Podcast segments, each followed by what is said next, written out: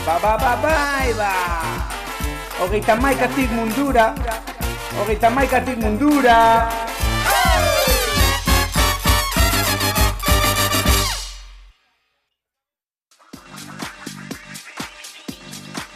Ain't got no home, ain't got no shoes, ain't got no money.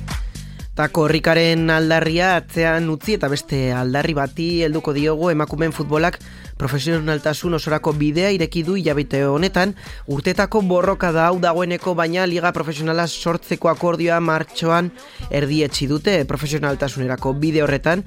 Ligaren buru nori izango den hautatu beharko dute eta hautagaietako bat izango da Ainoa Tirapu Baraina Indar. Eta gainera Euskal Herria Irratiaren laguna. Arratsaldeon Ainoa Arratsaldeon. Zer modu zaude? Bueno, lanean, lanean, eta ta aurrera behira.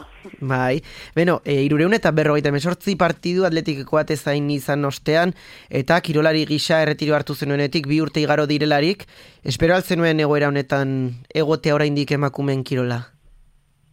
Bueno, pandemia torri zenean, egia da, txera pausoa handia izan zela, eta gero hortik aurrera egon diren, ba, ikamikak eta bar, ba, e, lortu dena da pizkat estan bai antzeko batean egotea emakumezkoen futbola, ez?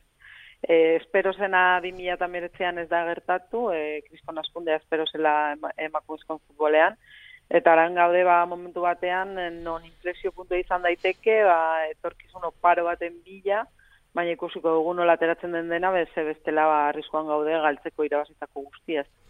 bai, zalantzari gabe, lehen mailan eta bigarren mailan ere esango nuke, aspaldiari izaretela emakumeak profesional gisa jardunean, hau da entrenamenduen exigentziaren gatik, partiduen exigentziaren gatik, bidaien gatik, aldiz eskubideen aldetik, ez, e, berandu aldator emakumeen futbolaren profesionaltasunerako urratxau.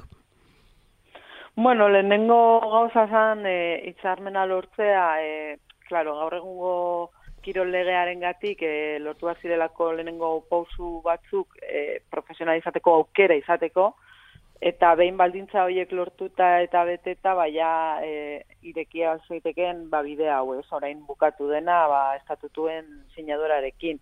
Baina egia da, ba, lan akordio bat gabe eta diru sarrerarik gabe hori lortzea ez dela ez zela posible, ba, bizigun legea oso zarralako, baina justo gaur baita ere aurkeztu da kirol lege berria e, kongresuan, ba, bueno, horrer bauzoak hor daude, ez? Baina, bueno, epeak bete behar dira, balintzak bete behar dira, eta zentu horretan, ba, bai emakumezkoen kirola orokorrean, ba, atzeratuta egon dela, ba, lege aldetik ere oso zaila zelako aurrera itea. Bai, sarreran aipatu dugu eh, emakumeen liga profesionalaren buru izateko hautagai zara eta zure aita zuen hautagaitzaren leloa futbolak batuta da e, Unidas por el Futbol Gaztelaniaz e, zer dela eta hautatu duzue e, lelo hau? Ba, azkeneko urte bi hauetan gertatu diren gauzen gatik, ez? E, ikusi da, ba, e, dozin prozesutan, e, beti zegoela gatazkaren bat, egiten zuela prozesu hori luzatu, eta azkenean akordi batera eltsa asko zailagoa zela eta horrek azkenean e, ba, kalte egin dio emakumezkoen futbolari, ikusgarritasuna galdu da bidean, e, e, telebista eskubideen kontratu bat galdu da bidean, eta horrela jarraituz gero uste dugu oso zaila dela e, ba, proiektu oparo bat eta luzarorako proiektu bat egitea, ez? Eta ba, sustengarritasuna lortzea emakumezkoen futbolean. Horregatik, e, ba, gure ustez, e, beharrezkoa dena da, batzea, helburu aman komunak bilatzea eta eskutik lan egitea ba etorkizun oparo horren bila. bai. Nortzuk osatzen duzu hautagaitza hau? E, e, Dolores Marteli eta bi hobez azkenean e, hautagai diren postua dira ba presidente eta e, presidente ordea beste guztiak e, kluben artean erabaki behar dira gerora, eta, eta horregatik bi postu horiek bakarrik aurkezten ditugu, naiz eta gure buruan egon pertsona batzuk beste postuentzat hori ba, klubek erabaki, beharko dute gerora. Bai, e, kluben e, bermea edo abala behar duzu edo behar da presidente izateko, gainera klubek erabakiko dute, ez? E, gero nor izango den presidentea, nor presidente ordea. E, hor oraindik klubetan ere ba, buruak gehienetan e, gizonezkoak dira. Egia zan, amazik klu daude lehenengo mailan, horiek dira boskak dituztenak, eta baita ere abalak e, aurkezte dituztenak, ez? E, abal bakarra eman daiteke, beraz, amasei abal daude hor e, lortzeko, eta e, euneko goita bosta behar da hautagaia izateko, ez, beraz, or, oraindik aurre autogai gara. Mhm. Ze abal horiek oraindik prozesua ez da, ez da ireki eta ez dira aurkeztu, ez. Baina, e, es, esanguratsua da, ez, euneko goita bostori dira, dira lau abal, e, baita ere dakigu ba, kluben asoziazio bat existitzen dela nun amar daude sartuta, beraz zailtasuna egongo da e, hautagai asko egoteko gehienez hiru izango direlakoan gaude.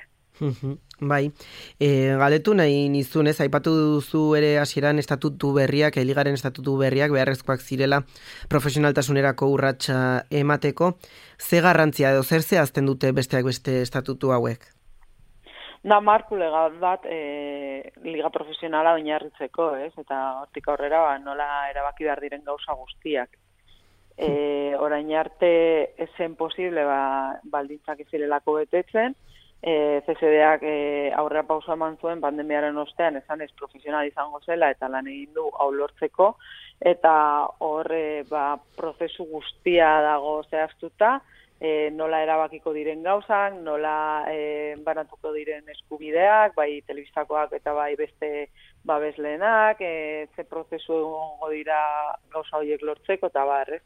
Eta beharrezkoa zen, marko legal hori e, egotea, ba, e, lehenengo klubak izkribatzeko liga berri honetan, sortu den liga berri honetan, dala e, Liga de Fútbol Femenino Profesional, ez? E, Liga Profesional de Fútbol Femenino, alkatu, hori horiek dira siglak, eta hortik aurrera, ba, ja prozesuak astea, ez? E, momentuz inskripzioan daude, ez da e, gehiagorako eperik egon, uste du, uste dudanez, bai dane, ba, gizu gauza hauek e, motel doa zela, Mhm. eta hortik aurrera hauteskundeak etorriko dira, eta ja hasiko gineteke lanean, ez? E, egia da oso berandu zela, urrengo denboraldirako, oso oso berandu.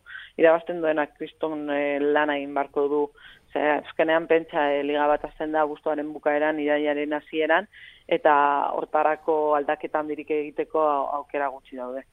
Bai. E, aipatu dugu hasieran 2020an utzi zenion e, jokalari izateari, baina berdeguneak e, bueno, e, aurreko aste arte okerez banago ez dituzu utzi, nola kostat egin alzaizu erabaki hartzea eta tezainen entrenatzaile izateari usteko erabaki hori hartzea, kostatu egin alzaizu. Bueno, azkenean, eh, amazazpi urte manda eh, atletiken lan egiten hasiera batean jokalari bezala eta gero tekniko esala eh, txaila da, ez? Eh, ba, gurre esateaz, eh, urte pilo bat dira, Bilbon egon naizen guztiak, eh, eta vinkulazioa hori galtzea zure betiko klubarekin oso, oso gogorra egiten da.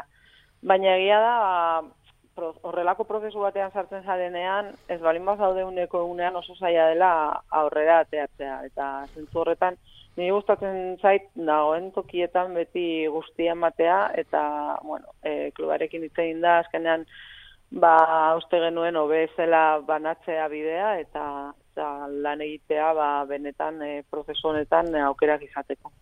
bai, amaitze aldera bi galdera, ainoa, alde batetik, e, bueno, aipatu zu, ez, lehendabiziko maila hori e, profesional e, bihurtzeko ja oinarriak bilakatu direla, gero, ba, e, zure hautagaitzaren edo aurre hautagaitzaren artean, eta beste hautagaitza baten artean ba, erabaki beharko dela nola bait, azpitik ere, bigarren maila berri bat sortuko da, heldu den denboraldian, e, profesionaltasuna ere maila hoietara iristea alda helburuetako bat e, bueno, bide, aurrera egin ala. Momentuz oso zaila da, azkenean bete behar diren baldintzak e, nahiko altuak dira. Pentsa behar duzu, e, estatu mailan bakarrik orain arte daudela irun maila profesional. Bat da, e, gizonezkoen futboleko lehenengo maila, bestea da bigarren maila, gizonezkoen futbolekoa baita, eta ACB. Beste Mhm. kategoria guztiak amaterrak dira, ez dira profesionalak. Horrek esaten du oso zanguratua da, horrek e, adierazten du, ba, ze zaila den e, maila horretara heltzea, zintu dien baldintza horiek, ez? E, emakumezkoen futbola orain dela gutxi lortu ditu baldintza horiek betetzea, eta horregatik eman da aurrera pausa profesionalitateko. Baina hortik bera, nahiko zaila izango litzateke lortzea hori, ez? E, momentu zain behar den prozesua da bigarren lehenengo maila hau, ba, sustengarri izatea lortzea, e, urrengo lau urtetako prozesua izango dela, Mhm. Ze azkenean irulenengotan e, CSD-ak egingo du diru sarrera bat e, estrukturak eta baldintzako betzeko eta hortik aurrera ikusiko dugu nola evoluzionatzen duen. E, Bai positiboa dela e, bigarren maila e, estatu mailan izatea, e, orain arte bi multzotan zagolako, eta bueno, amasei taldeko liga bat izango da, eta horrek e, maila egoko du jokalari entzetere lehiakortasuna egoko da, eta horrek egingo du jokalari horiek gertuago egotea lehenengo mailatik, baina momentu honetan pentsatzea, bigarren maila profesionalizatea oraindik lehenengo maila profesionalizatu gabe dagoenean, eta gainera jakin gabe lortuko dugun sustengarritasun hori e, utopikoa iruditzen zait, eta nahiago zentratu lehenengo mailako lanean, eta benetan e, ba, etorkizun oparo bat bilatzen emakumezkoan futbolantza. Ba, zalantzari gabeta gainera oso oso argiegarria ez ze egituratan ba, mugitzen den kirola. Eta azkenik Euskal Herria irratian izan da galderatxo bate pixkate analizitxo bat eskatuko dizugu. Bigarren mailan ari da osasuna asteburu honetan albiste izan dugu ez berriro ba engantzatu delako goiko postuetara. Aukera dago beste euskal talde bat bertan izateko. Nola ikusten dituzu gorritxoak Ba, beti bezala, eh, azkeneko txanpan beti egoten dira hor oso gertu, eh, bukatzen dituztelako denboraldiak oso ondo. Eta, eta gogoratzen dut denboraldia zieran, eh, beste taldeko norbaitek izan ziala, uste dut espainoleko jokelari batek izan ziala. Guri eman digoten mesua da kontu zilitzeko osasunarekin beti bukatzen duelako oso gertu, eta ikusten da, ez? Lehenengo zei taldeak daude bi puntutan, hemendik e, bukaera arte egongo da multzo hori oso oso lehiatuta eta oso polita dago e, bigarren maila momentu honetan. Eta ber e, osasunak e, aurrera pausa emateko aukera daukan. Gogorra izango da ze egon zaitezke e, igoera postetatik lehiatzen eta bat batean sartu playoffean. Ze, claro, zei daude, eta lau postu daude, uh -huh. bueno, nahiko, nahiko polita dago buke, liga bukaera. Uh -huh. Bai, zalantzari gabe. Ba, inoa, tirapu zorte hon e, hauteskunde, aurre hauteskunde lehenengo prozesu honetan, ea berme hoiek, abal hoiek lortzen dituzuen, eta gero ere, ba, hemendik ere, ba, gure, ba, besa bintzate bidaliko dizugu, gure laguntza morala bidaliko dizugu, lana baituzu aurretik egiteko, mila mila esker gurean izateagatik. Eskerrik asko zuei. Agur. Agur. Yo, yo, yo, yo! Hemen iruñerria jamaika klas Zuentzako besarka da beroa Euskal Herria irratia. Bai, bai, bai. Iruñerritik mundu osora. Zuen ausparekin bagoaz edonora. Igo volumen agora, igo volumen agora. Euskal Herria irratiarekin. Arginaren naizdekin, arginarena erregearekin